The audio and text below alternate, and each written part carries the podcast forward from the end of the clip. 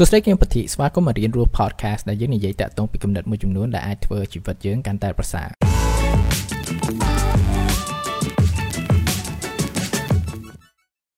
មានកន្លែងមួយដែលខ្ញុំធ្លាប់ទៅដែលផ្លាស់ប្ដូរជីវិតខ្ញុំសឹងតែមួយរំពេចហ្មងហើយកន្លែងនោះគឺនៅទីក្រុង Berlin នៅអាល្លឺម៉ង់ហើយពេលនោះដែរគឺថាខ្ញុំបានធ្វើដំណើរជាមួយ មិត្តភ័ក្ដិខ្ញុំពីរនាក់មួយជនជាតិកូរ៉េហើយមួយជនជាតិមិចស៊ីកូហើយក៏ខ្ញុំបានឃើញនៅកន្លែងមួយដែលថាវាគួរតាក់ទាញមែនតើកន្លែងហ្នឹងមើលដំបូងមកគឺដូចជាលក្ខណៈសួនមួយអញ្ចឹងហើយមានតសតសច្រើនមែនតើ4ជ្រុងហើយខ្ញុំទៅឆ្ងល់ថានឹងធ្វើអីហើយខ្ញុំសួរមិត្តភ័ក្ដិខ្ញុំដែលគាត់ធ្លាប់ អាសាដើរអញ្ចឹងគាត់ដឹងហើយកន្លែងនេះដែរគឺជាកន្លែងមួយដែលគេហៅថា The Memorial to the Murdered Jews of Europe វាគឺជាកន្លែងដែលរំលឹកពីជនជាតិ Jews ដែលត្រូវបានគេសម្លាប់នៅក្នុងសង្គ្រាមលោកលើកទី2ហ្នឹងព្រោះថាពេលហ្នឹងគឺអាល្លឺម៉ង់ Hitler ហ្នឹងគឺថាទៅរទៅសម្លាប់ជនជាតិ Jews ហ្នឹងហ្មងដែលរស់នៅក្នុងប្រទេសផ្សេងៗហ្នឹង ការដែលខ្ញុំកើតឲ្យធ្លាប់សិក្សាទៅនៅស្រុកខ្មែរអញ្ចឹងគឺថាពីមុនគឺថាជាខ្ញុំដឹងថាសង្គ្រាមលោកលើកទី2វាកើតឡើងមិនប៉ុន្តែអត់ដឹងថាវាមានអត្តពលខ្លាំងយ៉ាងម៉េចទេដល់ទៅដល់ពេលទៅដល់អឺរ៉ុបហ្នឹងបានចាប់ដើមចង់និយាយថាយល់ហើយជាមួយ aware ថាអាហ្នឹងវាមានអត្តពលខ្លាំងប៉ុណ្ណាហើយដល់ពេលហ្នឹងក៏ខ្ញុំចាប់ដើមមានចំណាប់អារម្មណ៍ហើយខ្ញុំក៏ចង់ចូលដឹងឲ្យកាន់តែច្រើនហើយក៏ខ្ញុំដើរចូលទៅកន្លែងហ្នឹងទៅហើយពេលទៅដើរចូលហ្នឹងទៅគឺថាវាមានបទពិសោធន៍មួយដែលថា ពិបាកនិយាយគឺថាវាដូចលក្ខណៈសញ្ញោចិត្តណាព្រោះថាខ្ញុំដើរមួយមិត្តភក្តិខ្ញុំពីរនាក់ហ្នឹងទៅគឺថាពេលដើរចូលទៅដូចបាត់គ្នាហ្មងហើយបើតាម design ដែលថាគេចង់លើកឡើងតាក់ទងពីកន្លែងហ្នឹងគឺវាបង្ហាញពីជីវិតនៃសង្គ្រាមលោកលើកទី2ហ្នឹងគឺថាយើងអាចមានមនុស្សដើរជាមួយនៅក្នុងជីវិតយើងច្រើនប៉ុន្តែពេលដែលដើរចូលចឹងទៅគឺថា បាត់គ្នាអស់ហ្មងហើយពេលដែលខ្ញុំដើរទៅផុតដើរទៅចុងក្រោយហ្មងខ្ញុំឃើញចដាចុះមួយហើយចដាហ្នឹងគេចូលលក្ខណៈជាសារមន្ទីអញ្ចឹងណាហើយពេលដែលធ្វើដំណើរទៅប្រទេសមួយមួយគឺខ្ញុំចូលចិត្តមែនតើក្នុងការចូលសារមន្ទីអញ្ចឹងមិនថាខ្ញុំក៏ចំណាយពេលប្រហែលដូចជា1ម៉ោងបន្តទៀតចូលនៅក្នុងសារមន្ទីហ្នឹងទៅហើយពេលដែលចូលគឺថាវាមានអ្វីមួយដែលធ្វើឲ្យខ្ញុំភ្ញាក់ផ្អើលមែនតើ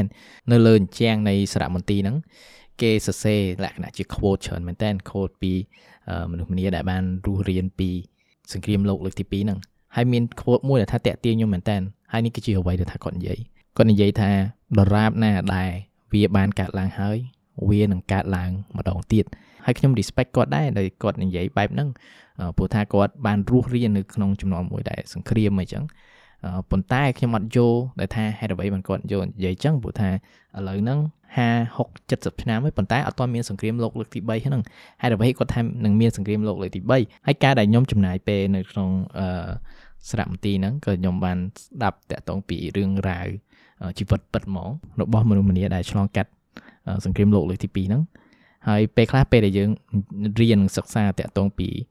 សង្គ្រាមអីចឹងពេលខ្លះវា set មែនតើដែលយើងមើលការស្លាប់ទៅតាមតែទូរលេខពេលដែលយើងមើលទៅទូរលេខវាអត់មានអារម្មណ៍ទេប៉ុន្តែពេលដែលយើងស្ដាប់រឿងរ៉ាវរបស់មនុស្សម្នាក់ដែលគេបានឆ្លងកាត់ចំនួនអស់ហ្នឹងគឺថាវាអត់ដូចគ្នាទេហើយពេលហ្នឹងក៏ខ្ញុំសម្រេចចិត្តមួយថាអូខេថ្ងៃបន្ទាប់ហ្នឹងគឺជាថ្ងៃចុងក្រោយខ្ញុំនៅអឺរ៉ុបអញ្ចឹងខ្ញុំប្រាប់មិត្តភក្តិខ្ញុំពីរនាក់ទៀតថាអូខេខ្ញុំសូមមួយថ្ងៃចុងក្រោយហ្នឹងចំណាយពេលតែឯងហើយអ្វីដែលថាខ្ញុំចំណាយពេលទៅធ្វើហ្នឹងគឺថាខ្ញុំ register tour មួយអឺ ដែលគេនាំទៅលក្ខណៈដូច concentration camp អាហ្នឹងដូចជាជំរំមួយដែលគេចាប់យកជនជាតិ Jews ហើយជាមួយនឹងអ្នកទោសនៃសង្គ្រាមផ្សេងៗយកមកដាក់ដើម្បីឃុំឃាំងហើយនឹងធ្វើបាបអីចឹងហើយក៏ឲ្យធ្វើពលកម្មមួយចំនួនអញ្ចឹងហើយពេលដែលខ្ញុំទៅដល់ជំរំហ្នឹងមានអារម្មណ៍ថាដូចដើរចូលទៅក្នុងគុកទួលស្លែងអញ្ចឹងហើយពេលខ្ញុំចូលទៅនឹកឃើញគុកទួលស្លែងហ្នឹងខ្ញុំចាប់ដើមគិតតាក់ទងពី clear ដែលគាត់ធ្លាប់និយាយមុនហ្នឹងគឺដរាបណាដែលវាកើតឡើងវានឹងកើតឡើងទៀត ហើយខ្ញុំគិតទៅថាយ៉ាវាកើតឡើងមែនមិនមែនជាសង្គ្រាមលោកលើកទី3ទេប៉ុន្តែការសម្លាប់មនុស្សឬក៏សង្គ្រាមមួយចំនួនដែលកើតឡើងដែលអត់ចាំបាច់ហ្នឹងគឺវាកើតឡើងនៅប្រទេសខ្មែរហើយក៏ប្រទេសផ្សេងផ្សេងដែរបន្ទាប់ពីសង្គ្រាមលោកលើកទី2ហ្នឹងហើយនេះគឺជាអ្វីមួយដែលធ្វើឲ្យខ្ញុំចាប់ផ្ដើមគិតច្រើនមែនតើធម្មតាពេលដែលយើងគិតតាក់ទងពីចំនួនសង្គ្រាមនៅប្រទេសខ្មែរមុនមុនដូចជាចំនួនខ្មែរក្រហមអីចឹង ពេលខ្លះយើងឮម៉ាក់ប៉ាយើងឬក៏យាយតាយើងនិយាយពីជីវិតគាត់ពេលដែលនៅក្នុងក្នុងចំនួនហ្នឹងថាពិបាកមិនអីមិនណាប៉ុន្តែពេលខ្លះខ្ញុំហើយប្រហែលជាអ្នកទាំងអស់គ្នាមួយចំនួនដែរពេលដែលស្ដាប់គាត់ចឹងទៅយើងចេះស្ដាប់អបានបានអញ្ចឹងណាហើយយើងក៏គោរពគាត់តាមហ្នឹងប៉ុន្តែយើងអត់គិតស៊ីជម្រៅទេព្រោះថាហេតុអីយើងរស់នៅសប្តាហ៍ថ្ងៃនេះក្នុងសង្គមមួយដែលមានសន្តិភាពច្រើនបើយើងប្រៀបធៀបជាមួយនឹងចំនួនខ្មែរក្រហមអញ្ចឹង ហើយមិនមែនតែមានសន្តិភាពច្រើនជាងមុនទេហើយក៏មានភាពងាយស្រួលអីផ្សេងផ្សេងដែរគឺថាជីវិតវាស្រួលមែនតើហើយវាពិបាកមែនតើពេលដែលយើងកើតនៅក្នុង condition ហ្នឹងដែលជីវិតគឺងាយស្រួលហ្នឹងវាពិបាកដែលថាយើងគិតថាអ្វីបែបហ្នឹងគឺវាអាចនឹងកើតឡើងហើយពេលនោះហើយគឺជាពេលមួយដែលថាខ្ញុំចាប់ផ្ដើមគិតឡើងវិញតាក់ទងពីបញ្ហាអស់ហ្នឹងហើយជាពិសេសគឺតាក់ទងពីទូនាទីខ្ញុំផ្ទាល់ព្រោះថាអ្វីដែលខ្ញុំសួរខ្លួនឯងពេលហ្នឹងគឺថាពេលដែលយើងមានសង្គ្រាមយើងចង់បានសន្តិភាពពេលដែលមានសន្តិភាពតើយើងចង់បានអី ហើយបើយើងមើលទៅពេលដែលយើងមានសន្តិភាពពេលខ្លះគឺយើងបង្កើតសង្គ្រាមជាមួយនឹងអ្នកជិតខាងបង្កើតសង្គ្រាមជាមួយមិត្តភ័ក្តិបង្កើតសង្គ្រាមជាមួយនឹងអ្នកធ្វើការជាមួយយើងខ្ញុំនិយាយនេះគឺថាមិនមែនលក្ខណៈសង្គ្រាមនេះហ្មងប៉ុន្តែភាពខ្វះនៃសន្តិភាពជាមួយនឹងខ្លួនយើងហើយជាមួយនឹងមនុស្សផ្សេងផ្សេងជុំវិញហើយបើយើងគិតមើលទៅគឺថាវាដូច clear របស់កងជឺអញ្ចឹងគាត់ធ្លាប់និយាយថាមនុស្សដែលសុខភាពល្អគឺចង់បាន រាប់ពាន់រាប់ម៉ឺនប៉ុន្តែមនុស្សដែលកំពុងតែឈឺគាត់ចង់បានតែមួយឯងហើយបើយើងគិតទៅគឺថាក្នុងសង្គមសប្តាហ៍ថ្ងៃដែលថាវាមានសន្តិភាពច្រើនជាងមុនហ្នឹងគឺយើងអត់ appreciate វាគឺថាយើងចង់បានកាន់តែច្រើនទៀតហើយអ្វីដែលយើងចង់បានហ្នឹងគឺចង់បានភាពសុបាយមួយដែលថាវាអត់មានតម្លៃខ្ពស់វាជា pleasure ប៉ុន្តែវាមិនមែនជា happiness ហើយវាជាអ្វីមួយដែលថា lack of responsibility មែនតើបើអានេះបើតាមខ្ញុំគិតមើលណាពេលដែលយើងចំណាយពេលទៅ enjoy ហើយយើងអត់ មើលតាក់ទងពីទំនួលខុសត្រូវមួយចំនួនដែលថាយើងអាចធ្វើឲ្យសង្គមហ្នឹងវាកាន់តែប្រសើរហើយការគិតមួយទៀតដែលថាខ្ញុំមាននៅពេលហ្នឹងគឺថាតើវាយ៉ាងម៉េចបើសិនបើពេលមួយដែលថាខ្ញុំមានចៅមួយទូចហើយខ្ញុំពោរត់ចេញពីសង្គ្រាមមួយ